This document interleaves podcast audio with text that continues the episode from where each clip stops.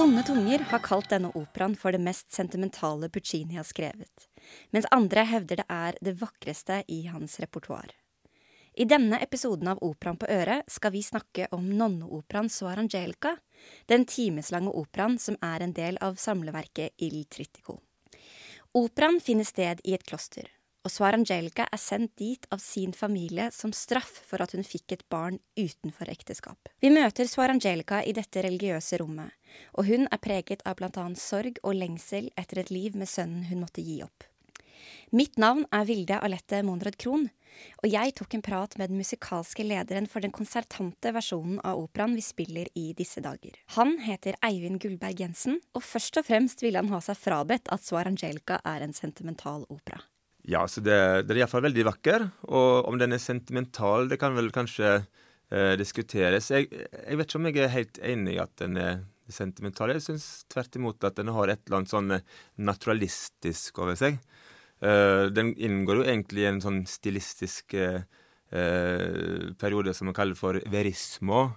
Uh, der man liksom er veldig i en, en samtid og et reelt drama. Det er ikke så masse Hvis man tenker på operahistorien før det, så blir det jo ofte sånne så var det ofte sånne stiliserte ting som, som, som artikulerte drømmer og, og, og fantasier i, i, befolkningen på, på, forskjellige måter. Eller det kunne være mytologi og, og ting som man hadde en, en form for uh, avstand til. Mens, uh, mens, her er det liksom rett i kjernen av et egentlig ganske politisk eh, drama. Noe som jeg kan tenke meg spesielt i Italia må, må ha vært veldig sterkt, og, og kanskje rett og slett Eh, provoserende for mange. Tenk på historien til, til, til Vatikanet og, og, og, altså helt tatt katolik, eh, katolismen eh, og, og, alle de hva skal man si, traumene som har ligget i, latent i, i alle i kloster og, rundt omkring i verden. Så, så han er inne på et veldig sensitivt tema, syns jeg. Operaen den heter Svar Angelica, men det er ikke henne vi møter først. Det er den store og svært innflytelsesrike karakteren Kirken, altså den katolske kirke, som først blir etablert. Og klosteret, det er et svært lukket rom i denne operaen. Men lytter vi til musikken, kan den fortelle oss mye om hvordan vi skal forstå kirken. Nei, altså, som du sier, så, så bruker han første del av operaen til å, til å sette scenen veldig. sant? Hvor er vi hen, og, og, og, hva skjer? Og, og jeg syns han gjør det på en sånn eh, genial måte fra Først hører du kirkeklokkene sant, i begynnelsen, som, der eh, dette her temaet eh, spilles eh, rett gjennom, med, med, bare med klokker.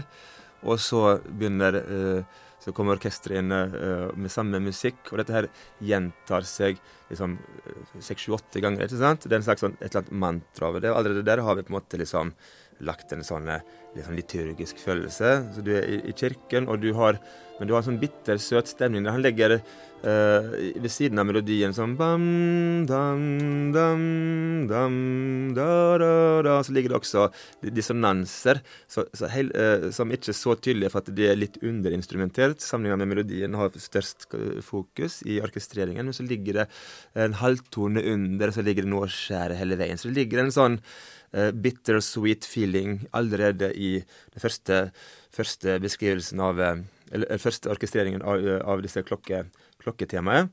Og så eh, videre så legger han på klokker og som du nevnte, sånne himmelske assosiasjoner. Og han ligger på en liten sånn eh, fuglesang. Og dette skjer jo da bak scenen. Og det er på en måte eh, allerede et slags hint om hva som, hva som, skjer der over, og hva som skjer der ute. Så han gir på en måte eh, så masse han skaper så mange rom samtidig. Du har rom, det som er der ute, det frie. En fugl som er fri, uh, og synger, samtidig som du har dette her, uh, repeterende mantra, dette her dogmatiske, skjematiske som skjer, som skjer inne i klosteret. Og, og, og dette uh, gjentar han da mens, han, mens de, de, synger Ave Maria og, og, og velsignet være Altså Og tilber Maria, ikke sant. Så og, så han, han, legger på en måte I begynnelsen så forteller han så masse bare med disse få, disse få taktene.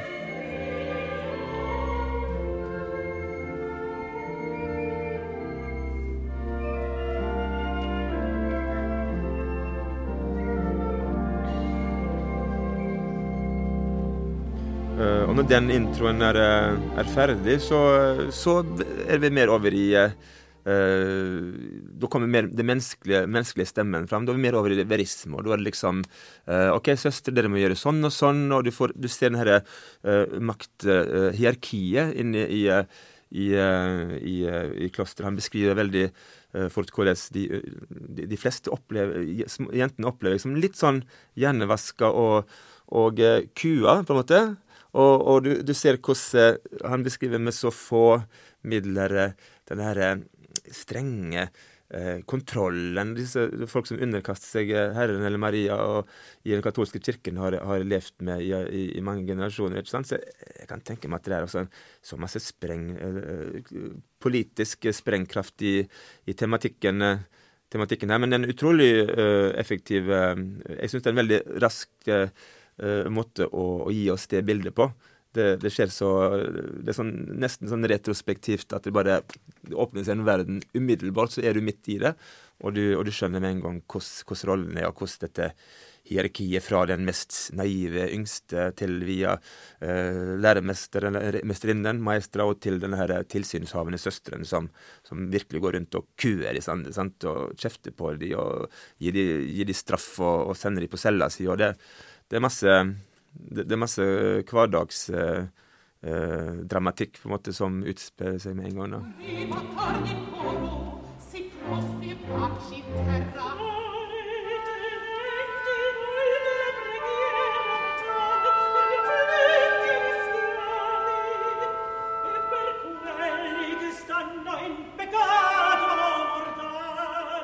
For disse, disse søstrene, de er jo, det er jo noe friksjonsfritt i dem som gruppe som ikke finnes i Angelica på samme måte.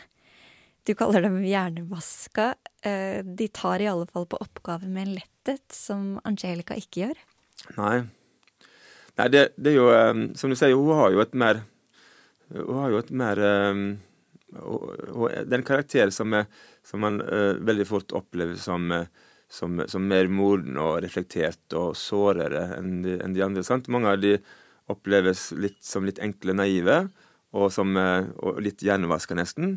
At de er veldig sånn en del av systemet, og, de, og, og så synger de sine regler. og sånn, Jeg tipper de står opp om morgenen, de er veldig inne i rutinene. Og, og så har du uh, hun ene, uh, Genoveva, som er liksom Eh, den yngste og, og, og, mest naive av de, som er veldig sånn frisk pust. Ja, har man lov å ha noe, noe begjær og sånt, og, som, og som, som, stiller masse sånne eh, spørsmål, på en måte, og, og frisker litt opp, da, eh, blant disse som har vært litt lenger og blitt litt hjernevaska. Mens, mens Sorangelica, som har vært her sju år, hun har på en måte beholdt Hun har jo en annen historie, ikke sant, eh, før hun kom dit, så hun har beholdt en sånn en form for ja, hva skal vi si Jeg vet ikke. Eh, det ligger en form for, eh, for resignasjon. Du ser når hun, hun er vel opptatt av eh, Hun er flink med blomster og urter og sånne ting. ikke sant? Og, og, og man hører når hun skal hjelpe søstrene med, med, et eller annet, så Ja, jeg, jeg, er nå her, liksom. Det, det er liksom en, en, viss form for en oppgitthet og resignasjon i det. Hun, hun har hodet sitt en annen plass. Hun er ikke i kirken der Eh, for samme motivasjon som de andre. Hun har blitt plassert der fordi hun fikk et uh, uekte barn, ikke sant? Og, og, det føles som en straff, kanskje. Så hun, så hun sitter jo på en utrolig bagasje som, som, mange av de andre ikke har. Og, og det preger hele tiden uh, den, den, relasjonen hun har til, til uh, ting hun ser rundt seg. da. allerede i første møte med henne så, så, så snakker hun jo mye om blomster, sant? Og, og at det og, og, at det er vakkert at, uh, at søsteren kan dø. Altså kan, se, hun beskriver døden som noe vakkert allerede i det første møtet med henne. Uh, og, og, det er ganske sterkt når man uh, vet hvordan det går med henne i operaen. At hun tar livet sitt, og at hun har en Ja, og at hun har en, et barn som hun ikke har fått Nå vet vi ikke på det tidspunktet det, at det barnet er dødt, men det vil vi jo også få vite. Men hun har ikke fått sett dette barnet siden det var født, og det er gått sju år. Så her er det en veldig sånn Um, en heftig bagasje som, som man veldig raskt, uh, raskt får, får, innblikk i. Og det, igjen, det er litt sånn uh, Ibsensk retrospektivt hvordan man oppdager disse tingene i historien, og hvordan det blir fortalt litt via søstrene, og, uh, og, og, ikke minst i musikken. At det, det er et sånt drama før det vi er, som, som på en måte som, som, som, bygges opp i vår bevissthet liksom, av denne karakteren. Når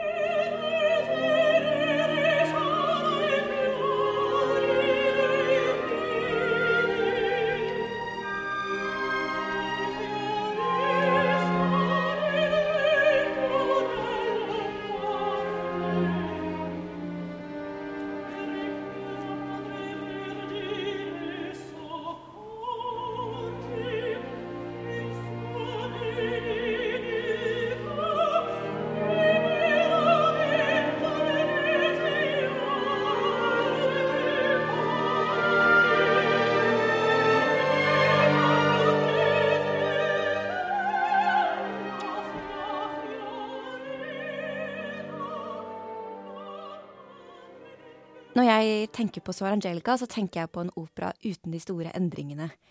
Det er jo masse endringer i følelseslivet, men ikke nødvendigvis i handlingen. Eh, hvordan påvirker det musikken, tenker du? Altså, Syns ikke du at det er noen utvikling i handling? Jeg syns det Jeg syns at den har eh, Jeg, jeg syns at det, eh, det, er så mye som har Det er ikke jeg helt enig i nødvendigvis. Nei, ikke sant? Jeg føler det står ganske stille på et vis. Jo, jo men det, det, det, ligger en viss stillhet i det. Men det er ikke fordi at det, ikke skjer noe. Det er fordi at uh, det, det er mye Tiden skal på en måte stå litt stille fordi at det er så mye som, som skal tas opp i seg fra ting som har skjedd før. Og Hvis du bare fortsetter å male på et eller annet, har han bare malt på med ny informasjon og nye, nye, ting, så tror jeg man hadde Da hadde man ikke fått tid til liksom gå tilbake igjen. Og, og tenker bare som et eksempel når, når hun uh, abbedissen, som vi ser på norsk, eller badessan, uh, kom inn og fortelle at, uh, at nå er tanta hennes kommet. og, og, og, så det, og så den, den, tiden det tar, og, de stemningene Han bruker lang tid på å, å, bare sette de klangene, på en måte, og, sette den stemningen. Og, hun tar seg god tid til å, det hun skal si. Og, det ligger en sånn stemning i lufta. Så på en måte så kan du si at at uh, ja, det, det, går langsomt. Det skjer Det, det er ikke en sånn tettpakka uh, story som han har i Tosca, f.eks., som har et veldig driv og veldig tempo uh, mellom scenene. Men, men, det som jeg syns er interessant med dette, at her er det så mye som har, har skjedd før. da.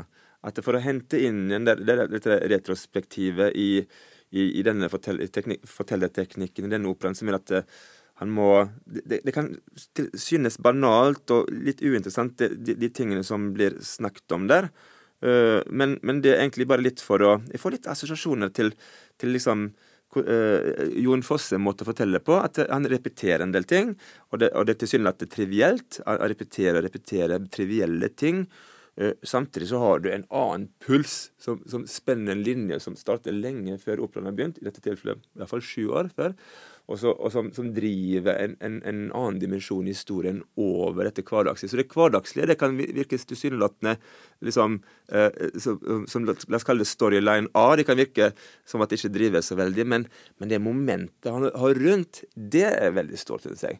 Og, og hvordan det, det dramaet blir, blir blir, blir, blir, blir åpna opp, og, og, hvordan vi kommer inn i den, det, det følelsesregisteret og det som har skjedd før, og, og, og det som etter hvert skjer når, når den rike tanta kommer på besøk. Det, der føler jeg at det, det, er den pulsen utenfor som, er, som, som har størst momentum.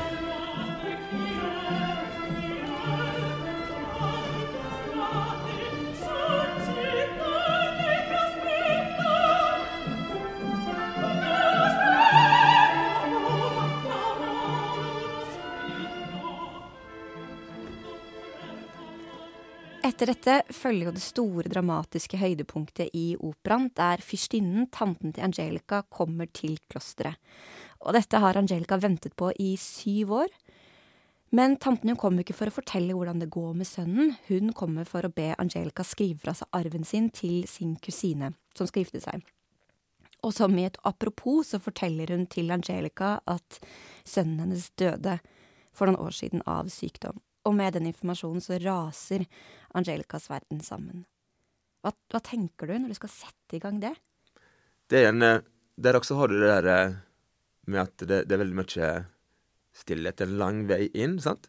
Eh, det, det er en ganske og, og, og, og, og igjen så, så, så, så, tar den oppmerksomheten på en måte veldig opp mot de to personene. Samtidig så, går tankene tilbake til noe som har skjedd før.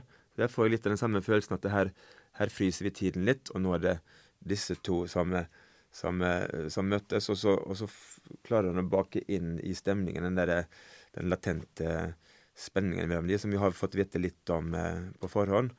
Og eh, Nei, det, er jo et parti som du, du får frysninger på, på, ryggen. Det ligger så masse, masse Det er så masse hva skal vi si, sprengkraft i den historien der, når du vet hva som har skjedd. og Hun kommer jo der og, og, og, og sier at uh, Ja, skal, skal skrive fra seg arva, men det er én ting, og, i løpet av få minutter så, så uh, forteller hun på en ganske ydmykende måte at uh, søstera ja, hun fant en mann som kunne godta uh, sånn som du hadde levd, og, likevel at det var greit å gifte seg med søstera di. Han godtok henne liksom omtrent som at de måtte gå litt ned på lista for å finne menn som kunne takle det hun hadde vært. Altså, så det, det, er ganske en brutal beskrivelse av det synet på det hun har gått igjennom. Og vi vet, jo ikke hvorfor hun uh, fikk et barn, om det var et uh, kjærlighetsforhold, eller om det er noe uh, kriminelt som har skjedd, eller hva, hva det er. men men uansett, bare det menneskesynet som de hadde på den tiden, den kyniske Den skammen som en sånn historie på en måte har på, påført masse unge kvinner på den tiden, det må ha vært et ekstremt øh, touchy tema. Scenen er veldig, veldig sterk, og det er vanskelig å finne den der balansen med den der litt stive, uptight prinsessa som fyrstinne, eller hva vi skal kalle henne, tanta hennes hun er jo adelig av slekt, hun Angelica. sant? Og det er å, å, komme fra en sånn familie, og, og at, det, at det får barn Man ser jo at det er et stort fall. Så hun har jo gjennomgått et enormt fall, og, og, og nå bodd sammen med disse søstrene i sju år. Og så, så har hun et håp om å få, få et livstegn fra sønnen sin, og kanskje har hun et håp om å få gjenoppta deler av livet sitt, og så ser hun bare at tanta kom inn og, og, egentlig er helt iskald. sant? Uh, det er ikke noe Ja, du lurte på Fins det noe håp her? Jeg vet ikke. jeg tror Der, der mister vel egentlig håpet, tror jeg. Du, jeg syns vi skal høre på noe av det som virkelig gjør denne operaen. Arien Sensa Mamma, uten mamma. Som virkelig er noe av det vakreste Puccini har skrevet.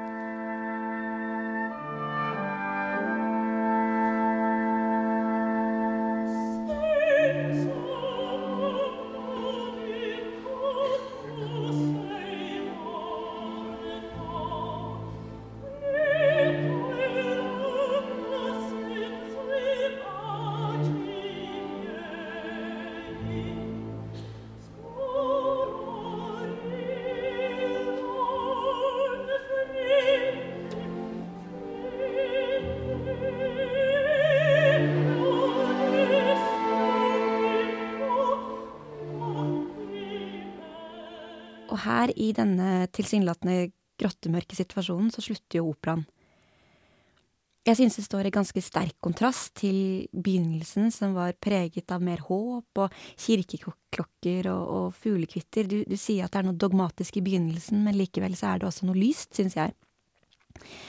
Eh, og hvis begynnelsen ikke handler om Sarangelica, men først og fremst om kirken, så handler slutten definitivt mest om Sarangelica og mindre om kirken. Men hva, hva, står egentlig igjen i Angelicas karakter her på slutten? Altså, um, som du sier, vi begynner i, i, i, i kirken og, og, og, og, får den derre Å gå gjennom en sånn hverdagslig eh, doktrinert kirkeliv eh, kombinert med, med, den naturalistiske beskrivelsen av eh, så Angelica og det hun har hatt. Og så til slutt så, så, eh, så går hun gjennom en, en altså Egentlig så tolker jeg det hun sier i første, første møte med henne, at det ligger et eller annet med en for, for Hun er ikke fremmed for, for døden, ligger på en måte litt i lufta hele operaen, syns jeg. Uh, helt fra starten der. Uh, og, og, så, når hun da velger å og etter at hun får vite at uh, sønnen hennes er død, Uh, og at hun aldri får se han. Etter den rørende sensa mamma, så, så, så velger hun å ta livet sitt. Og da føler at hun, hun, går over i en sånn Hun blir nesten litt sånn letta og går over i en sånn delirisk uh, sånn tungetaleparti, liksom, der hun bare lir ut av seg masse tanker og, og, og, og følelser, før, uh, før på en måte igjen dette store dramaet henter opp igjen, og, og vi går inn i den siste siste partiet der vi hører uh, symbolsk nok et barnekor i, i bakgrunnen. Så, det, så jeg vet ikke om kirken står uten kirken. Ja, det gjør, gjør, på en måte det, men samtidig så ligger det et eller annet sånn uh, Det, jo, det, som, det, det spilles jo på en måte som, uh, som en sånn bakgrunn. på en måte, Så det ligger litt i, i, bakgrunnen hele veien, føler jeg. Så, men det er helt klart at fokuset har gått ifra fra kirke til, til Angelica, og vi har gått gjennom et ekstremt ekstremt drama, et, eh, altså verismo på sitt mest eh, brutale. Og så, og så, ligger det på en måte bare en sånn, eh, en sånn siljett igjen av det som har vært, på en måte. Men, så jeg vet ikke hva man skal kalle det. det. det. er kanskje opp til hver enkelt, og jeg tror folk vil legge litt forskjellig i det, og det er litt sånn fint med denne slutten. Og det er ikke en sånn slutt som på en måte liksom der du får med teskje, på en måte. Det, det, det som ofte med, med avslutningene til uh, til Puccini. Og det er kanskje litt som Ibsen sine avslutninger, at det er litt sånn åpent, liksom. Hva, hun har tatt livet sitt og sånn, men hva skjer, liksom? Hva, hvor er vi, og hva betyr hva? Altså, det, det, det, er ikke, det er ikke alltid godt å vite.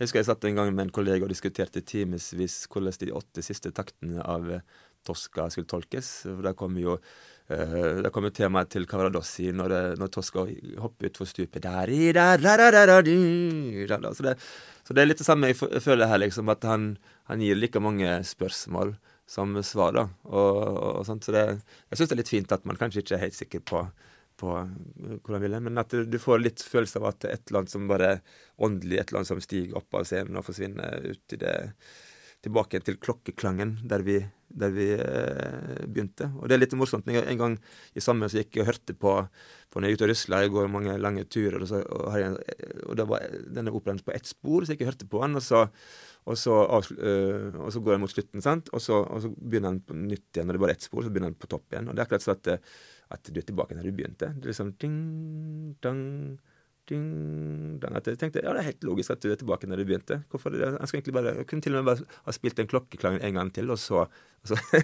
Men så har det skjedd et eller annet vidunderlig eller dramatisk eller forferdelig imellom. Sant? Så det, det er på en måte tilbake igjen til start, men ikke like helt. sant? Så det,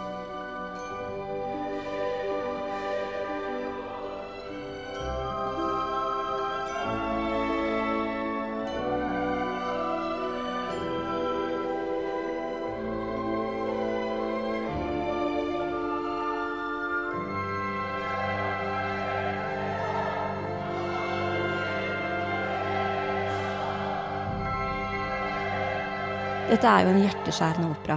Den handler om å miste et barn og ikke ha noe mer å leve for. Og mellom vår prat så har vi spilt musikk fra premieren som var i 2018. Og da var det Nina Gravrock som sang eh, tittelrollen som Svar Angelica. Og i en annen episode eh, fra denne podkasten så fortalte Nina Gravrock det at hun rett og slett måtte gråte seg ut, eller skrike seg ut, som hun sier på sin dialekt, eh, for å ikke stå i fare for å gråte på scenen, fordi det er så sterkt materiale. Og nå er det jo ganske stor forskjell på et strupehode og en taktstokk, men likevel, hvordan jobber du som dirigent med dette følelsesmessig? Nei, altså, uh, Hvordan jobber man følelsesmessig altså det, øh, Akkurat når man står på et podium, så, så har man en sånn øh, Du har et sånn an, stort ansvar, så er det at du liksom At du, du blir ikke um, det, det, er ikke noen fare for at uh, følelsene tar, uh, tar overhånd slik at du ikke klarer å gjøre jobben din. Der slår det inn på en måte den derre der, uh, kontrolldelen av jobben, da, at du, du, du, sørger for å ha kontroll, liksom. Så, så, men det er klart at uh, er jo et veldig sterk, sterk historie, sterk musikk. og man gråter jo hele tiden og holder på med det. så jeg jobba hele året. Jeg blir rørt bare jeg snakker snakke om det, liksom. Og, og begynte å gråte når jeg hørte Marita synge. da, Så, det, så nå må vi kutte. så, så, jeg er jo kjempe, jeg er jo kjempesart personlighet og, og, og, sånt, men, men det ironiske er jo at når man nå kommer på podiet og har jobba gjennom disse følelsene, så, så har man en sånn, en sånn, akkurat den profesjonelle distansen man skal ha for å, for å gjøre jobben. sant? Men, men jeg tror det er en fordel at man som utøver har Man må ha kontakt med med følelsene sine. Hvis ikke man blir rørt av dette her, hva, hva, blir du da rørt av, liksom? Så, men, eh, men, som eh, Nina sa, at eh, man, man, kan ikke Og det er mange kjente skuespillere og sangere som har sagt at man kan gjennom gråte i prøveperioden. Og, og, når man jobber med det, når man tenker gjennom alt det der triste og, og, og det vakre i musikken som, som ligger der. Men, men hvis man blir rørt når publikum eh, hører på, så er ikke alltid det funker så bra. For da det er publikum som skal bli rørt.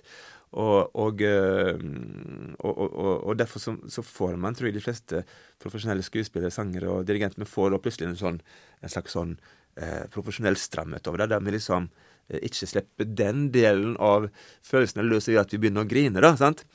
Så, men, eh, men, det er også litt tilbake til det du spurte om først, om hvorvidt dette er en eh, sentimental opera. For jeg syns at det, det, ligger et eller annet Det er klart at man kan bli veldig rørt, og man kan bli veldig sentimental av det. Men akkurat selve behandlingen av stoffet er såpass uh, Det ligger et eller annet såpass naturalistisk og mørkt i det at når man går virkelig inn i det, så det er ikke noe problem å, å jobbe med det uten å bli, bli rørt. For det, det, det, er så, det er så masse Eh, komplekse eh, problemstillinger og følelser som ligger til grunn. Altså jeg vil velge å si at det ikke er en sentimental opera av den grunn, men det hindrer ikke at hvis jeg tenker over det som skjer med, med henne og det som ligger der, så kan, så kan man jo sikkert sitte og grine i timevis, ikke sant? og, det, og, dette ser jo ikke de som hører på denne episoden, men du sitter jo absolutt her med tårer i øynene. Ja, ja, jeg får det hele tiden. Jeg fikk det i dag når vi jobba med musikken. Og jeg, får det på, jeg kan få det når jeg sitter for meg sjøl på, på verftet i Bergen og bare spiller gjennom musikken på piano. og og synge litt sånn med min stygge stemme og gå gjennom ting. Så plutselig så, så blir man veldig rørt. Jeg syns det, det, er veldig fint. Jeg, jeg, har jo, jeg synes det er en fin måte å jobbe på, å kjenne på de følelsene. Men, men, eh, men som Nina sa, man må eh, bli ferdig med det før man treffer publikum. For det, det publikum man skal, eh, som skal bli berørt, ikke vi som står på scenen. Ikke sant? Du, det, det syns ja. jeg vi skal la være siste ord. Tusen takk for at du hørte på Operaen på øret. Svar Angelica spilles fra 2. til 12. oktober her i Operaen.